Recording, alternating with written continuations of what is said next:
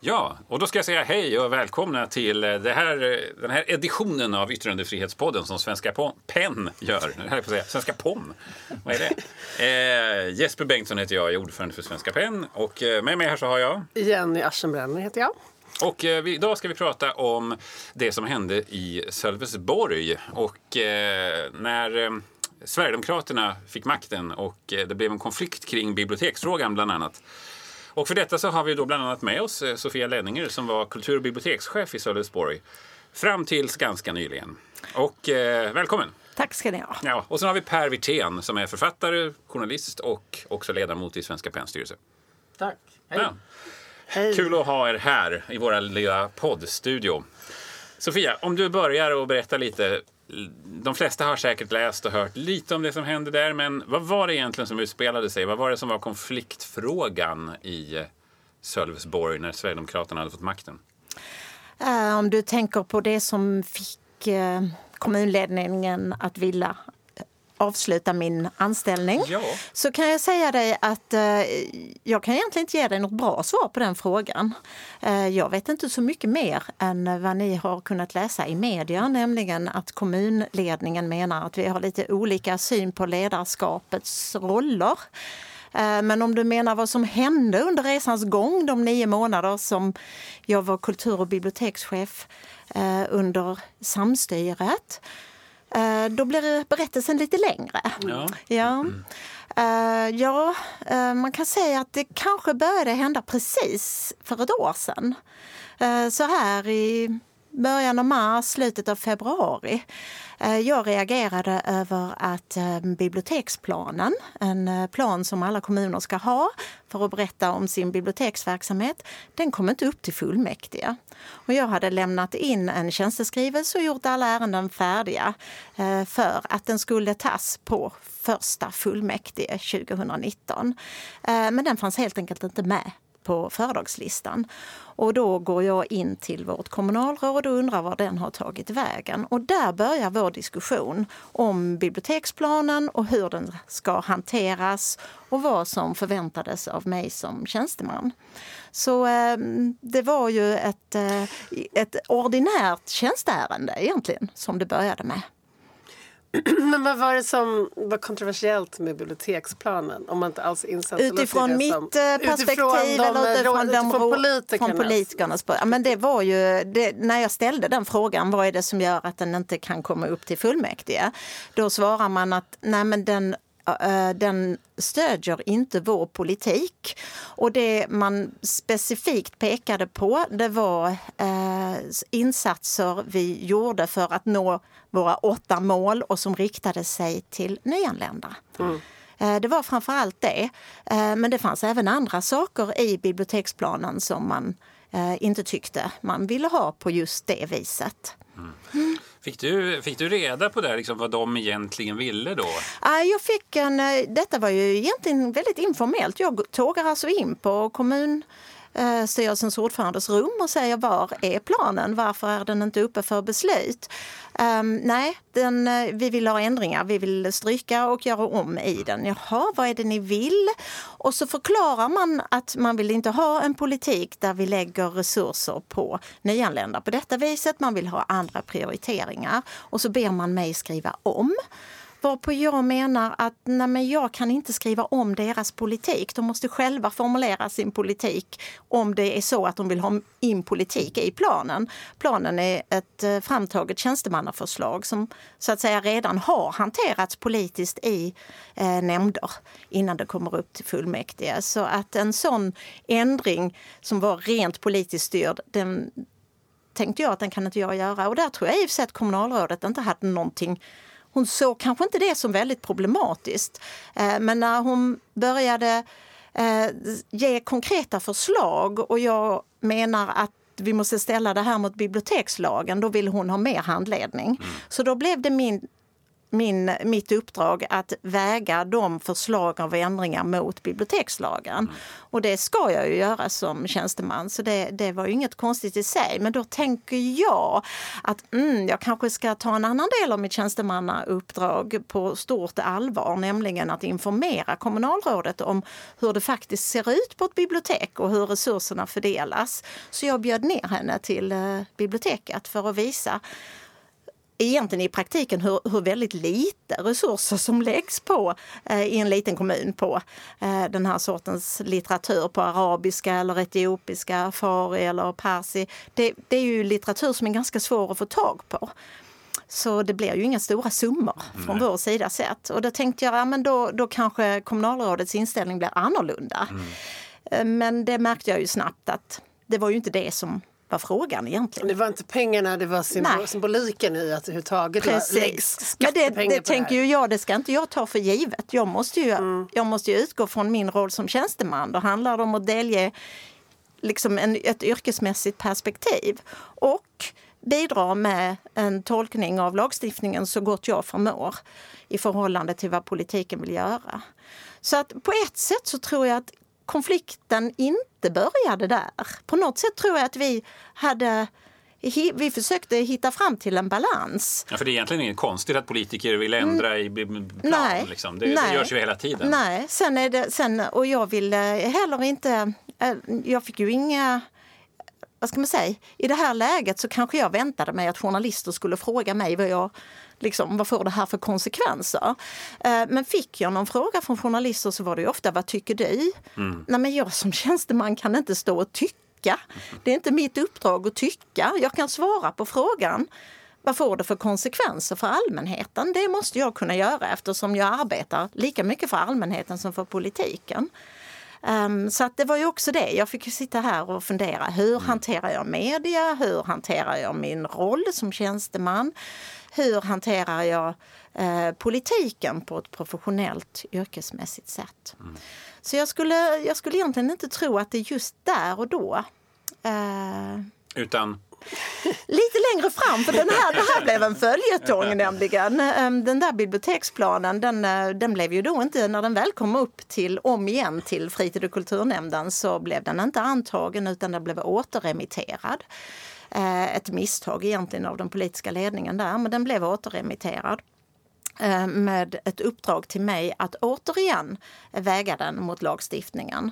Och i det läget så valde jag att, att eh, lämna in en tjänsteskrivelse där jag hade två oberoende juristers avvägning, alltså svar på hur fungerar eh, texten nu. Och då valde jag att i mitt utlåtande rekommendera det, det förslag som SKRs eh, jurist gav, nämligen att vi skulle göra ett förtydligande. Inte, det fanns inga, inga skrivningar om att det skulle vara olagligt men att det kunde läggas in ett förtydligande som mm. handlade om att minoritetsspråken skulle tillgodoses mm. tydligt. Mm. Eh, och det tyckte man nog var ganska onödigt att jag la den, upp den sortens text till nämnden.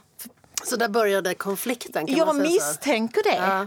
Men okay. jag vet, jag bara spekulerar. Jag ja. vet Nej. verkligen inte. Mm.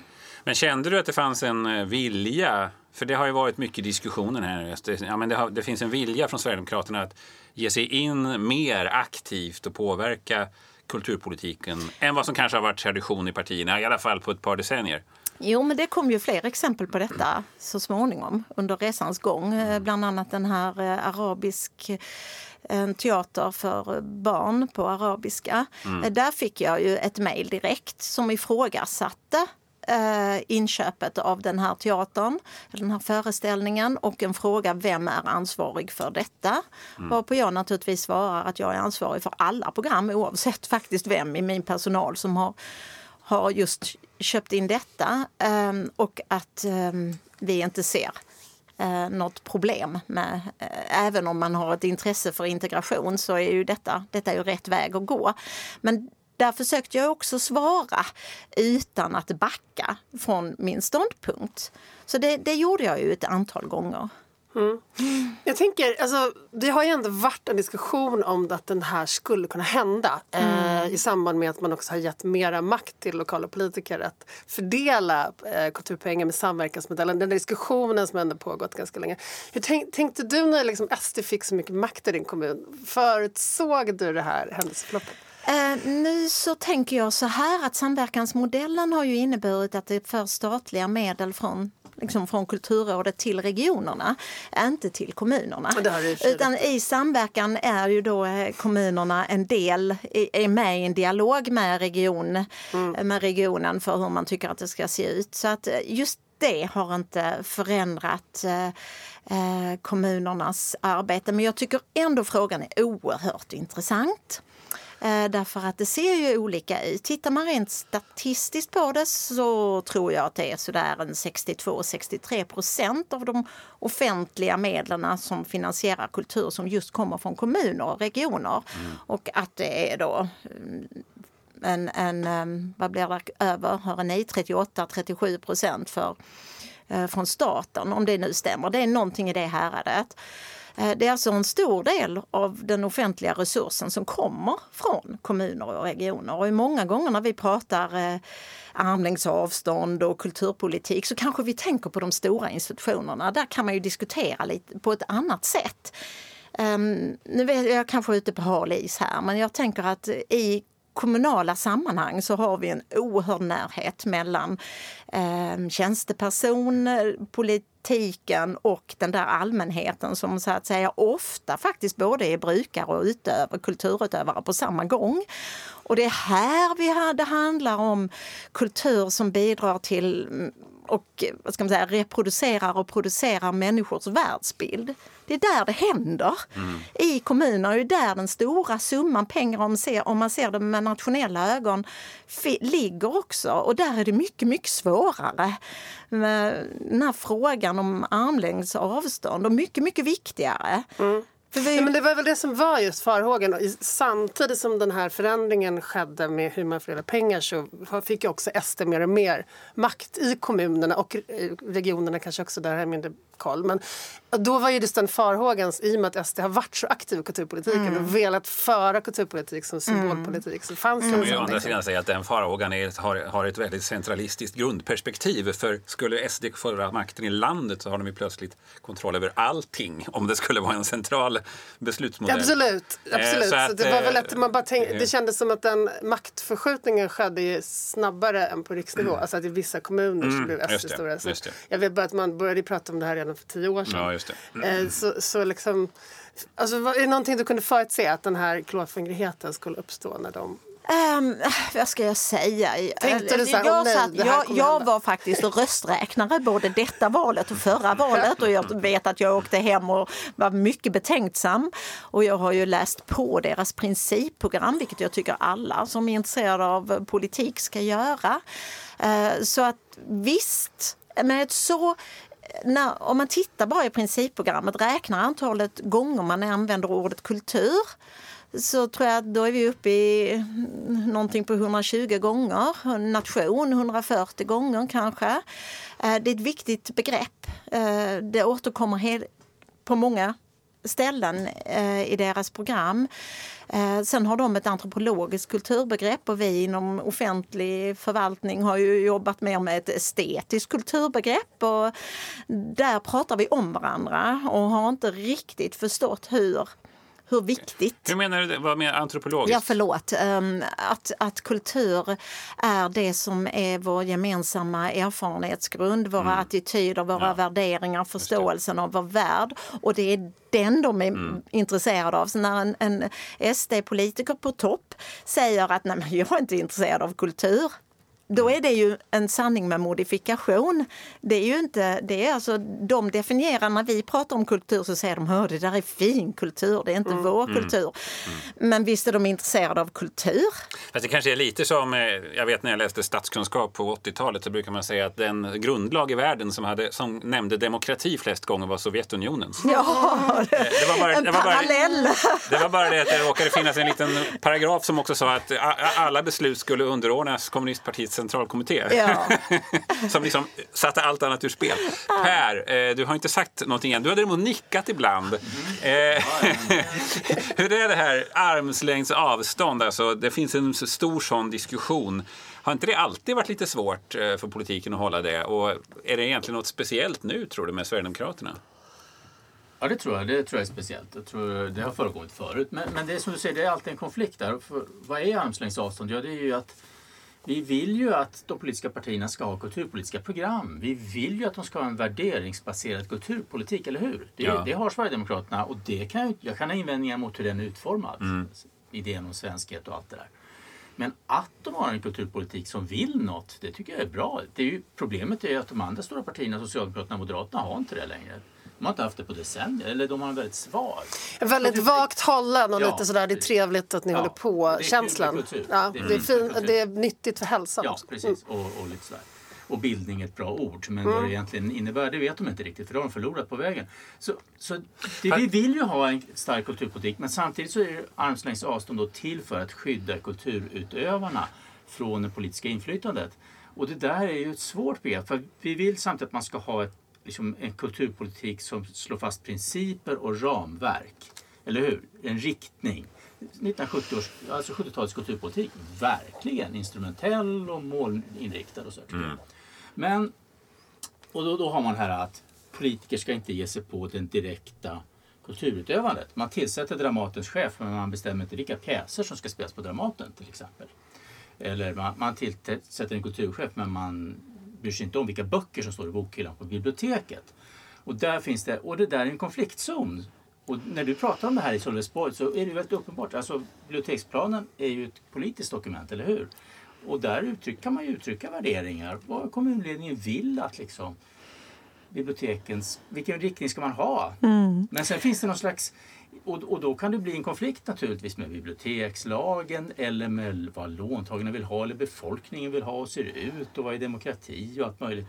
Och där blir det någon slags gråzon och konfliktzon som man aldrig kan komma ifrån. För liksom, politiken är instrumentell, kulturpolitiken. Det kommer den alltid vara. Det är mm. privata donatorer. Ni vill med vad de vill. Och vi vill ha frihet, vi som gör kultur. Så det blir en slags svår... Det är alltid ett svårt läge där tror jag. Man kan inte ge pengar till någonting utan att vilja någonting det. Nej. Tänker jag lite. Men jag tänkte bara på en, en, en parallell som... Fast, men... fast är det inte det precis, så säger det, när ni säger båda här nu att de stora partiernas kulturprogram är urvattnat.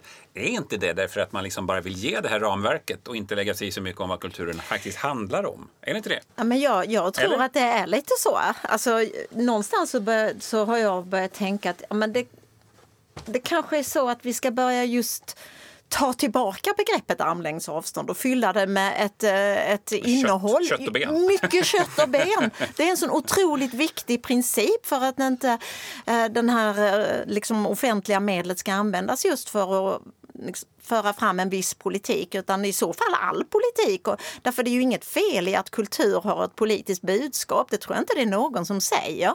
Utan det är ju när, när resursen, en ska, ett skattemedel avsätts för en viss, i en viss riktning och inte i en mångfald av riktningar. Det är då problemen uppstår. Eh, och armlängds avstånd är ju ett sätt att säga att vi är intresserade av hela det här spektrat av idéer därför att det är människan själv, det är individen själv som ska hitta sitt sätt att berika sig. Antingen genom att utveckla sin egen kulturverksamhet eller genom att konsumera kultur. Och då är vi tillbaka i, i, men är vi, men är vi verkligen i det här. Ja, men då är jag, ursäkta här, men då är jag liksom, det kan, varför kan inte detta vara ett starkt kulturpolitiskt innehåll. Och så vänder man sig och talar om att det här är någon form av eh, ett humanistiskt kulturbegrepp som vi vill stå för och som, som gagnar eller är kärnan i demokratin. Det håller jag med om, men då har du ju formulerat en kulturpolitik. Ja, ja visst, jag vill ha den! Ja. Det finns jag tänkte bara det att, att liksom en mångfald är ett politiskt laddat ord. Alltså, så här, det finns ju väldigt mycket, alltså, så här, beroende på från vilket perspektiv man tittar på saker så kan ju det som någon tycker bara är bredd för någon annan vara väldigt ideologiskt. Så det finns ju ändå någon typ av vilja, kanske hur man än... Annars ska, överhuvudtaget ska värdera vad man ska ge pengar till. Men vadå, ska alla som tycker att det är bra med mångfald i kultur tycka att det var bra om vi gav jättemycket skattemedel till stora nationalepos som hyllar Gustav II Adolf? Det är jag inte säker på. Det skulle också vara en del av mångfalden i så fall. Ja. ja. Mm. Men jag är inte säker på att det skulle liksom, rinna igenom kulturbudgetarna helt invändningsfritt, om man säger så. Mm. Ja, fast vi spelar, vi, spelar ju, vi spelar ju klassiker hela tiden på Stora Ja, ja, det gör vi. Väldigt konservativa ja. många av dem också. Och vad är det på Operan just nu? Jag har ingen aning. Nej, det kanske är någon Wagner. Klassiska stycken som förmodligen är väldigt kvinnoföraktande också. Ja, jag tror det är Parsifal eller något sånt. Jag vet inte. Men, men ehm, det, det, jag känner inte att det är något problem så länge vi får lov att diskutera det så här. Så länge vi kan prata om det och föra upp det till en diskussion. Och det, det är väl det som är så bra med det som har hänt. Att det har blivit eh, eh, en eh, förnyad debatt och en diskussion som kan ge oss... Ja, det är bra. Men, men problemet här är ju att de som har utlöst den diskussionen, ja. de vill avsluta den. Ja. Det är deras ja. mål. Att vi ska inte kunna ha en offentlighet där vi ska kunna säga vad som helst. Utan vi ska ha en offentlighet som är väldigt toppstyrd. Ungefär som i Polen och Ungern. Mm. Det är det som är deras mål. Och, mm. och det, så det betyder att mm. vi, vi har vaknat upp på, liksom där på randen till någonting som inte vi vill hamna Absolut. i. Och det är det jag menar. Fem i att, vi har, att vi har varit mm. omedvetna om kulturpolitikens betydelse. Och det här, vad är egentligen det värdegrund vi ska stå på när vi formulerar en kulturpolitisk inriktning i Sverige och i Europa? Mm. Men tror ni, tror ni att det är det som är riktningen? Så att säga? Är det här bara de första krusningarna på någonting som snart kommer bli en stor tsunami? Eh, vilket tänker, förlåt. Ja, men just av... Sverigedemokraternas vilja att gå in ja, och detaljstyra kulturen. Det tror jag. Ja. Det tror jag absolut. Jag tror det är mycket naivt att tänka något annat. Mm. En, en sverigedemokratisk kulturminister kommer ju omedelbart ersätta en hel del chefer och rektorer på universitet. Det kan man ju utgå mm. från. Men då kan man också tänka att den har den möjligheten. Alltså är det någonting i själva det svenska kulturpolitiska systemet som är ett problem? Alltså att det går att kliva innanför det där armlängds avstånd och faktiskt direkt påverka. Alltså, mm. vad, är det något systemfel ändå, trots allt? Alltså som tillsättningen av chefer till exempel. Det säger så här, ja, men man kan tillsätta Dramatenchefen men man kan inte bestämma innehållet. Men indirekt kan man göra det om man tillsätter en oerhört konservativ, kanske till och med nynazistisk chef så kommer ju vissa typer av mm. pjäser om hbtq-frågor till exempel. Det är mot många eh, inte... Gustav II Adolf. Ja, ja, det, det, det, finns ju en möjlighet trots allt. Det är alldeles självklart att under socialdemokratins högperiod på 70-talet tillsatte man ja teaterchefer som hade den kultursynen som regeringen stod för. Det var ju helt Nej, Man hade rätt kultursyn. Ja. Mm. Mm.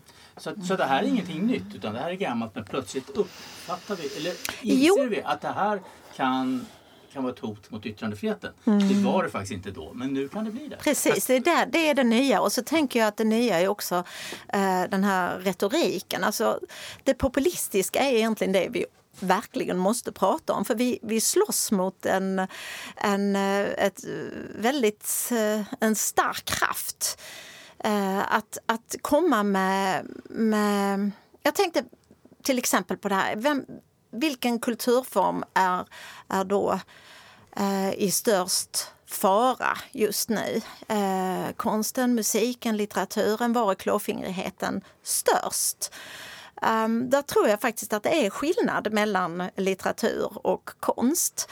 Mm. Uh, och anledningen att jag tror, tänker det är att det, konsten har en, en um, är omedelbar. Intrycket av bilden, av gestaltningen, är, går direkt, omedelbart. Eh, tolkningarna kan vara mer eller mindre grunda men de känns lika mycket i varje individ för sig. Det är väldigt lätt att använda det som slagträ. Eh, det är mycket svårare att diskutera litteratur eller använda det för att mejsla ut någonting som, som man kan misstänkliggöra för att vara en elitkultur. Liksom. Litteraturen måste man ju har lagt mer tid på för att kunna diskutera, mm. tänker jag. Medan konsten är så omedelbar. Eh, det här är kanske en väldigt förenkling av mig, men jag tror inte det är en slump att det är konsten man går ut och säger att eh, det är, eh, vi vill ha klassisk och mm. tidlös konst. Mm. Man kunde säga att vi vill ha klassisk och tidlös litteratur, men det vågar man inte. Dels för att yttrandefriheten associeras till text väldigt snabbt. Men inte bara det, utan det är också lättare att vinna populistiska poäng. Men jag tror också att vi går tillbaka till det här med det centraliserade svenska systemet som är både bra och dåligt. Det har sina avigsidor som vi har upptäckt nu då. Men, men det litterära fältet är ju väldigt decentraliserat. Mm. Kulturpolitiken kan inte vara li riktigt lika omedelbart instrumentell. För det finns inte den typen av stora statliga institutioner. Ja visst, det finns litteraturstöd och det finns Författarfonden men Författarfonden är trög att påverka. Den tar lång tid att förändra någonting med. Mm. Och det finns många aktörer, många kommersiella förlag som skiter i kultur. Ja men man behöver inte ha stöd för att skriva en smal och konstig diktsamling Men det finns gott om eh, konstnärer där ute som jobbar i sin egen eh, ateljé och som eh, tar, hankar sig fram jo, här i världen. För att visas någonstans så måste de ändå in på en, nästan alltid. Alltså så här, och mm, det tar tid innan de kommer det, dit. Det är sant. Men innan dess, så länge de ställer ut på sina små egna gallerier så, så kommer kanske inte ens SD upptäcka dem heller. Alltså det är inte först de kommer Nej. längre ut i offentligheten som de utsätts. Säkert i små kommuner, där är konsthallen, Och där upptäcker kommunpolitikerna dem snabbt och tydligt. Mm. Ja, men det är sant. Jag menar, en lada ute på landet med en liksom privat ateljé som är öppen två månader på sommaren, det blir inte samma sak. Det blir det inte. Men jag tänkte på det du var inne på Per, där. du sa där för, på, under socialdemokratins högperiod liksom, så styrde man kulturpolitiken egentligen på det här viset. Jag jämför lite med tidningar där, för att det, det, har ju ändå hänt någonting då under de senaste 40 åren.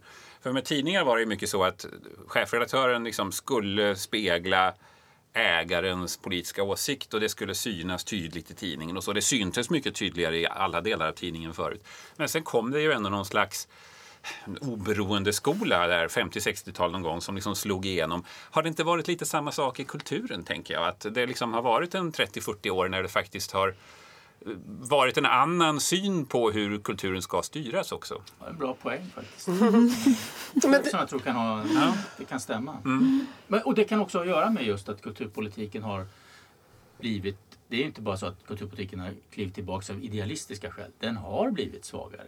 De, mm. stora politiska partierna ja. har ingen riktigt bra kultursyn. Mm. Och det har blivit ett tomrum och där har då författarna mm. kunnat kliva in och även tjänstemän alltså kunnat kliva in, konst, konstnadschefer och mm. sådär.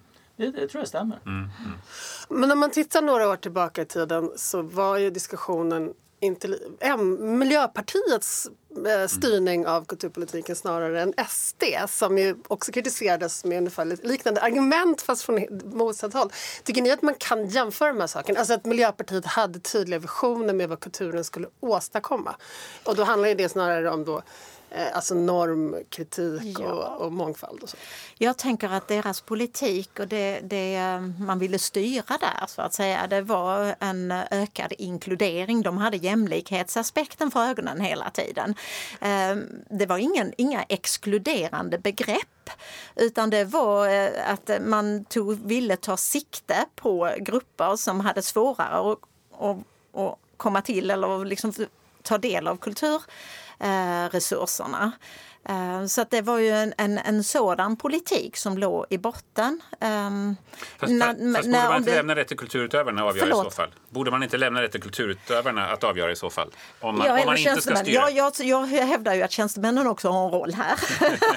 ja, men jag menar verkligen det. Jag tror att detta också är något vi har glömt eh, diskutera lite.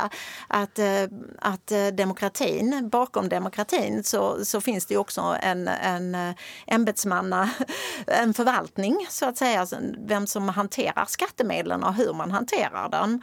Um, och det gäller då uh, professionaliteten bakom valen. Precis som om man, uh, liksom, man tänker att vi ska ha en mer miljömedveten kommunikation i kommunerna, det ska vara mer cykelbanor, så är det ändå tjänstemännen på stadsbyggnadskontoret som drar var cykelbanorna lämpligen bör ligga och vilket underlag de där cykelbanorna ska ha, om det ska vara den ena asfalten eller den andra asfalten. Mm. men men i kulturpolitiken så går man snabbt ner och, och petar där. Så att ehm, jag vet inte, jag tror det Mm. Ja. Jag tror också det är skillnad för att jag tycker ändå att Miljöpartiet respekterade armslängds avstånd. Ja. Man skrev en kulturpolitik, man skrev regleringsbrev om mångfald och representation och spegla mm. Sverige och sådär. Vilket jag tycker var bra. Det var, som säger, det var inkluderande politik. Det var en fortsättning av 70-talets demokrati, demokratiska kulturambitioner. Men man, så vitt jag vet så gick man inte in och detaljstyrde vad museerna gjorde. Tvärtom säger ju förra kulturministern att hon stärkte armlängds avstånd i den nya museilagen var det väl man Ja, ja där ligger så den. Det finns så mycket myter tycker jag om mm. vad som hände under Alice Bah Kunkes tid. Mm. Och jag är inte säker på att myterna stämmer. De hade stark vilja om kulturpolitiken men man respekterade armlängds avstånd. Man stoppade inte en, ar en arabisk teaterföreställning baserad på Selma Lagerlöf i Sölvesborg utan Ja. Men det kanske också att de använder sig just av begrepp eller liksom vissa signalord som triggar den här klyftan som vi trots allt har. Inte bara mellan Sverigedemokrater och kanske då vänstermänniskor utan överhuvudtaget. Alltså den går ju även mellan konservativa men inte sverigedemokrater och andra mm. grupper i samhället. Att just det, och kulturen har blivit en sån enorm spelplats för symbolpolitik. Jag tror ju, jag tror ju fortfarande att man, man använder sig av någonting där man snabbt kan plocka fram någonting som misstänkliggör eh, kulturen och konstens allmän, allmänna värde. Mm. Eh, och då hittar man så enkelt det här med konsten. Jag menar, det har vi alla som jobbar med kultur hört. Ja, men den där tavlan skulle mina barn barn kunna rita och det där var väl ingenting. Inget är så tacksamt att håna Ingenting är så tacksamt, eller hur? Och, och, vi har ju alla hört om, om, eh, om konst för maskar och svamp och, och så vidare i Nordmaling. Va? Men, men ingen har sett konstverket ännu därför att det är inte genomfört ännu. Men man är ju ändå rasande överens om att det här är ett slöseri med skattemedel. Jag tycker det därför att, ja, det tycker också att det är genialiskt för det sätter verkligen fingret på va, va, vem äger världen? Mm. Vilka perspektiv är det som råder i världen och hur mycket klarar människan av att ta in om något annat än sig själv. Jag har inget emot ett konstverk som sysslar med det eh, och de kan säkert lära oss väldigt mycket om oss själva. Alltså jag tycker det finns en annan del i det här som vi inte pratar om som handlar om kulturens och den offentliga debattens frihet som jag är väldigt orolig för och det är att vi börjar införa en slags normer om demokrati. Man mm. måste vara demokrat för att få yttra sig. Mm. Och det bekymrar mig väldigt, väldigt mycket. Och det kan vi se exempel på den här debatten efter den här filmen, Burkafilmen i Göteborg. Där, två där då kommunen drog tillbaka finansieringen var det väl av en debatt därför att man ansåg att två stycken då inte uppfyllde demokratiska mm. värderingar eller inte nådde upp till dem. Och man, drar, man började säga pressstöd i demokratin har bidrag till ungdomsorganisationer utifrån demokratikrav. Det där är någonting nytt som jag inte gillar. För det man använder demokrati för att exkludera grupper och röster och rörelser. Och det här är livsfarligt om det börjar tränga in på kulturpolitikens område. För då kan det komma från både socialdemokrater, miljöpartister och moderater. Mm. Alltså från mittfältet. Och, från, med stöd från ledarskribenter och kulturskribenter och alltihop. Och det där tycker jag är jätteobehagligt. Ja, då är vi tillbaka. Armlängds avstånd det är, mm. är den enda principen som ja. vi egentligen uh, För också ordet demokrati kan på något sätt bli ideologiskt på ja. något plan. Alltså att man, man kan tyckat vad som är demokratiskt. Under hela min uppväxt var kulturlivet fullt av antidemokratiska kommunister och KPML-lärare och allt möjligt. Absolut. De och det var jättebra. De tillförde någonting till svensk kultur som vi kan tycka vad vi vill om, men de tillförde röster. Och att de fick finnas, det var bra för Sverige. Det är väl också, eh, hela världen är ju full av den sortens eh, gummiparagrafer där man liksom använder förtalsparagrafer eller man använder andra typer av liksom lagstiftning för att komma åt kulturutövare. Och egentligen kan ju demokratikravet kan användas på samma sätt. Allt handlar ju om vad man då inkluderar i begreppet demokrati. Och så kan man stoppa nästan vad som helst med det som argument egentligen. Eh, till slut blir det liksom inte ens ja, inte ens mittfältet demokratiskt då. Nej, ja. Det, är väl det grundläggande demokratiska värdet är ju att alla röster för att man har respekt för alla åsikter och alla ja. röster. Och det gör ju ont ibland. Det är jobbigt att lyssna på den som har ett annat perspektiv men plötsligt kanske jag lär mig någonting mitt i detta också. Ja, men, men visst är, väl, är det svårt. Ja, men där är väl också inte bara då i själva diskussionen utan också i konsten. Jag tänker på den här formuleringen provocerande konst som man ju har använt för att stoppa viss typ av konst. Eh, att konst som är, in, som är obekväm och jobbig eh, mm. blir mer och mer svår att eh, kanske finansiera. Eh, jag tänker, är det någonting, är det, vad, vad, vad, handlar det där om? Liksom? Har vi blivit mer mm. rädda för att konfronteras eller är det bara liksom en SD-retorik för att jag vet inte, jag tänker också på Marie-Louise De Geers eh, Bronskvinnorna i Växjö som eh, eh menar, en, Vad är det? Så, är det? det? är ett par eh, bronsskulpturer eh, som står centralt placerade. Den ena är, eh, det är bilden av mig själv. Då. Hon har sitt eget ansikte i dem, båda två. Men det ena är en väldigt överviktig kvinna och det andra är en eh, nästan anorektisk kvinna och de står mitt emot varandra och de bär liksom inte upp några av de där självklara skönhetsidealen. Och här har det ju blivit då, eller det var en mycket debatt i Växjö och det var även varit vandalisering av de här skulpturerna. Men du vet, en somliga har ju älskat dem. För det här är ju jag så här, så här, det här känner vi igen oss i med våra kroppar, vad de nu är för någonting. Och andra har blivit oerhört upprörda. Vad är detta? För eh, detta har ju inget med skönhet över sig, det vill man inte ha i stan. Men det har ju väckt en sån intressant debatt och jag tror inte där är konflikter runt det idag. Utan det var en debatt som behövdes. Mm. Um, den gjorde ju någonting med, med människor. Um, och det är väl alltid så med det som upplevs som provocerande av den ena, kanske väldigt oerhört befriande för den andra. Och det är ju just det som är rikedomen. Mm. Ja, och offentlig konst har ju alltid väckt de där starka känslorna. Men jag tänker idag just vad som händer är att man faktiskt på riktigt stoppar den eller, eller målar över eller tar bort vissa konstverk som provocerar för många människor. Men är det någon sorts, jag tänker att det är någon sorts offentliga eller rumsliga filterbubblor. Att vi har liksom fått mindre mindre vad ska man säga, tålighet kring att konfronteras med mm. helt vitt skilda mm. åsikter eller perspektiv eller synsätt. Att vi blir mer och mer bygger våra små fort kring, av likasinnade. Nej, den där filterbubblan. Jag vet inte. Jag, jag vågar inte säga. Jag vågar Nej. inte svara. Det är liksom en fråga vi måste ställa oss. Men jag vet inte om det är så eller inte. jag som älskar såna där luftiga saker och, eller resonemang. Jag tycker att det hänger samman med någonting annat i våra städer och det är en renhet, längtan efter renhet. Mm. Rena städer. Man, man vill ha bort tiggarna, man vill ha bort klock, graffiti, man vill ha bort smutsen. Man vill ha bort allt som liksom inte passar in. Och det där så har det väl alltid varit. Men det är så otroligt tydligt nu tycker jag i kulturen. Bort med mm. rockklubbar och konstig konst. Ja, precis. Mm. Och, och, människor och internationella biblioteket ska helst ligga någonstans i utkanten av innerstan i Stockholm. Och, ja, det finns någon slags... Inga kebabställen. Liksom. Men också en, en del av kommersialiseringen av städerna, för det hänger ju ihop. Ja. Liksom, de rena städerna och de kommersiella städerna. För då finns det inga ytor för det provocerande som inte säljer. Så att säga. Och sen åker man till Berlin och livar upp sig lite. Ja, just ja. det. ja, så det, någon annanstans kan man ha det, men inte hemma, inte nu, nu åker man inte hemma på min gata. Ja.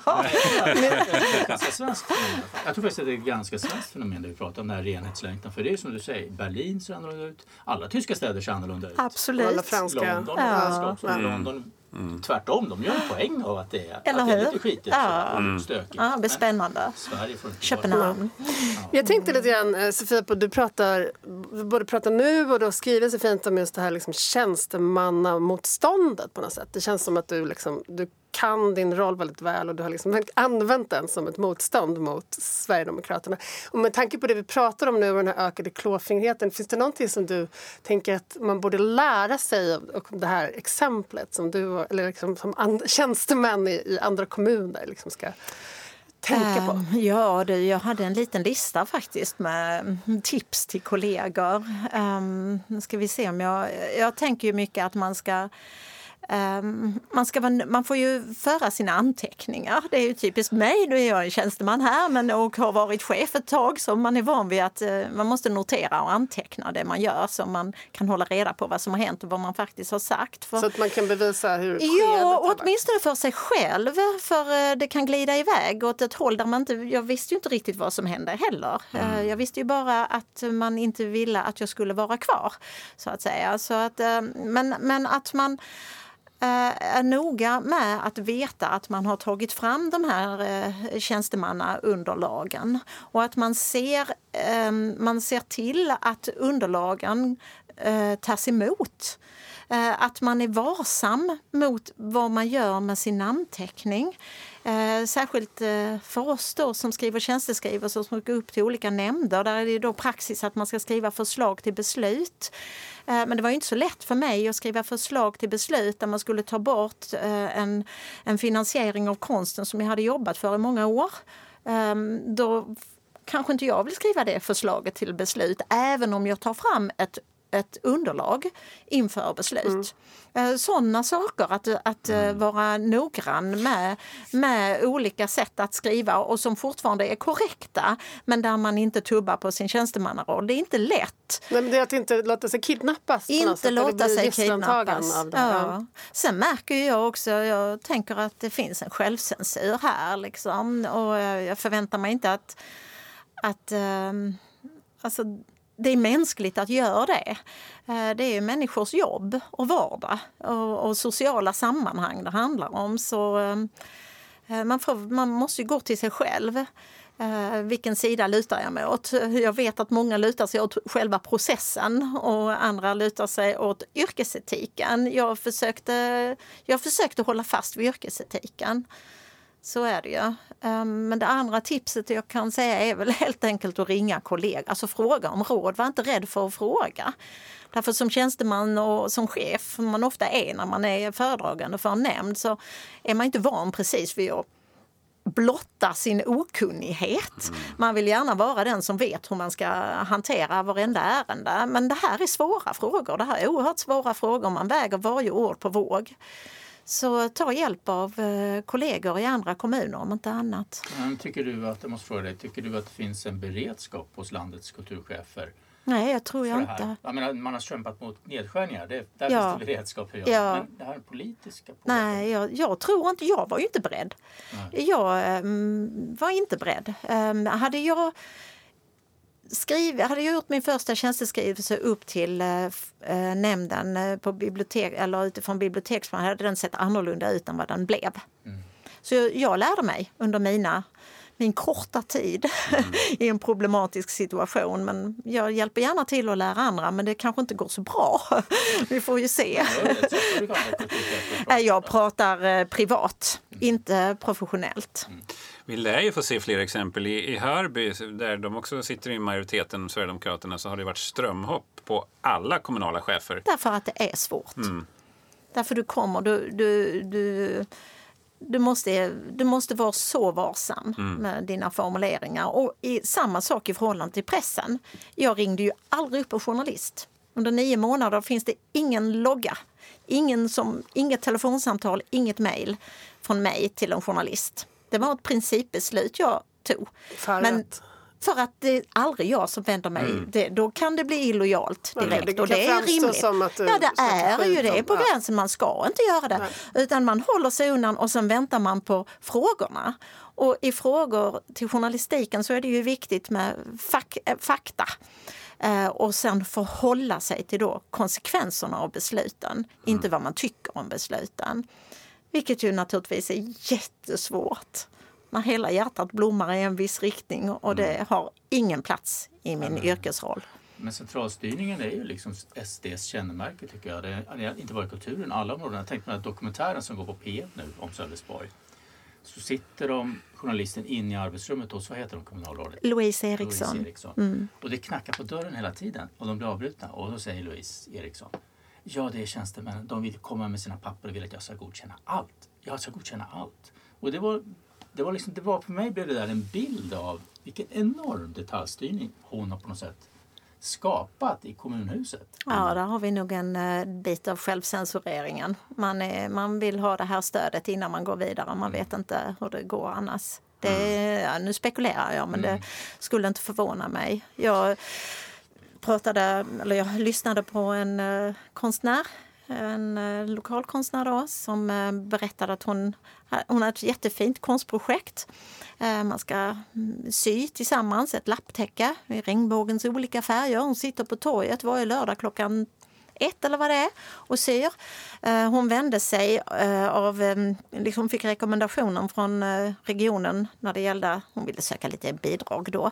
Hon tyckte det räckte med en krona i bidrag, det var mer principen. Men för att kunna få bidrag så var, var reglerna sådana att hon måste ha en förening med sig. Det är inte som enskild mm. person. Men föreningarna Mm, jättefint projekt. Hon heter Sofia också, då, denna konstnären. Jättefint projekt, Sofia, men ja, du vet, det är lite känsligt. Mm. Så ingen vågade? Man vågade inte ställa upp. Mm. Ja, då det har var den bild... ganska långt. Och detta, detta är ju det som händer. För föreningarna vill ha kvar sina bidrag helt enkelt. Absolut. Just det. Just det. Mm. Hörni, eh, det har varit ett jättespännande samtal men det är dags att avrunda för eh, vår tid är ute som man säger i coronasammanhang. Eh, Nej, säg inte så. det kanske du får klippa bort här, vi får se. Beroende på utvecklingen ser ut. Ja, precis. Men jätteintressant samtal som lär fortsätta. Tack så mycket. Tack ska ni ha.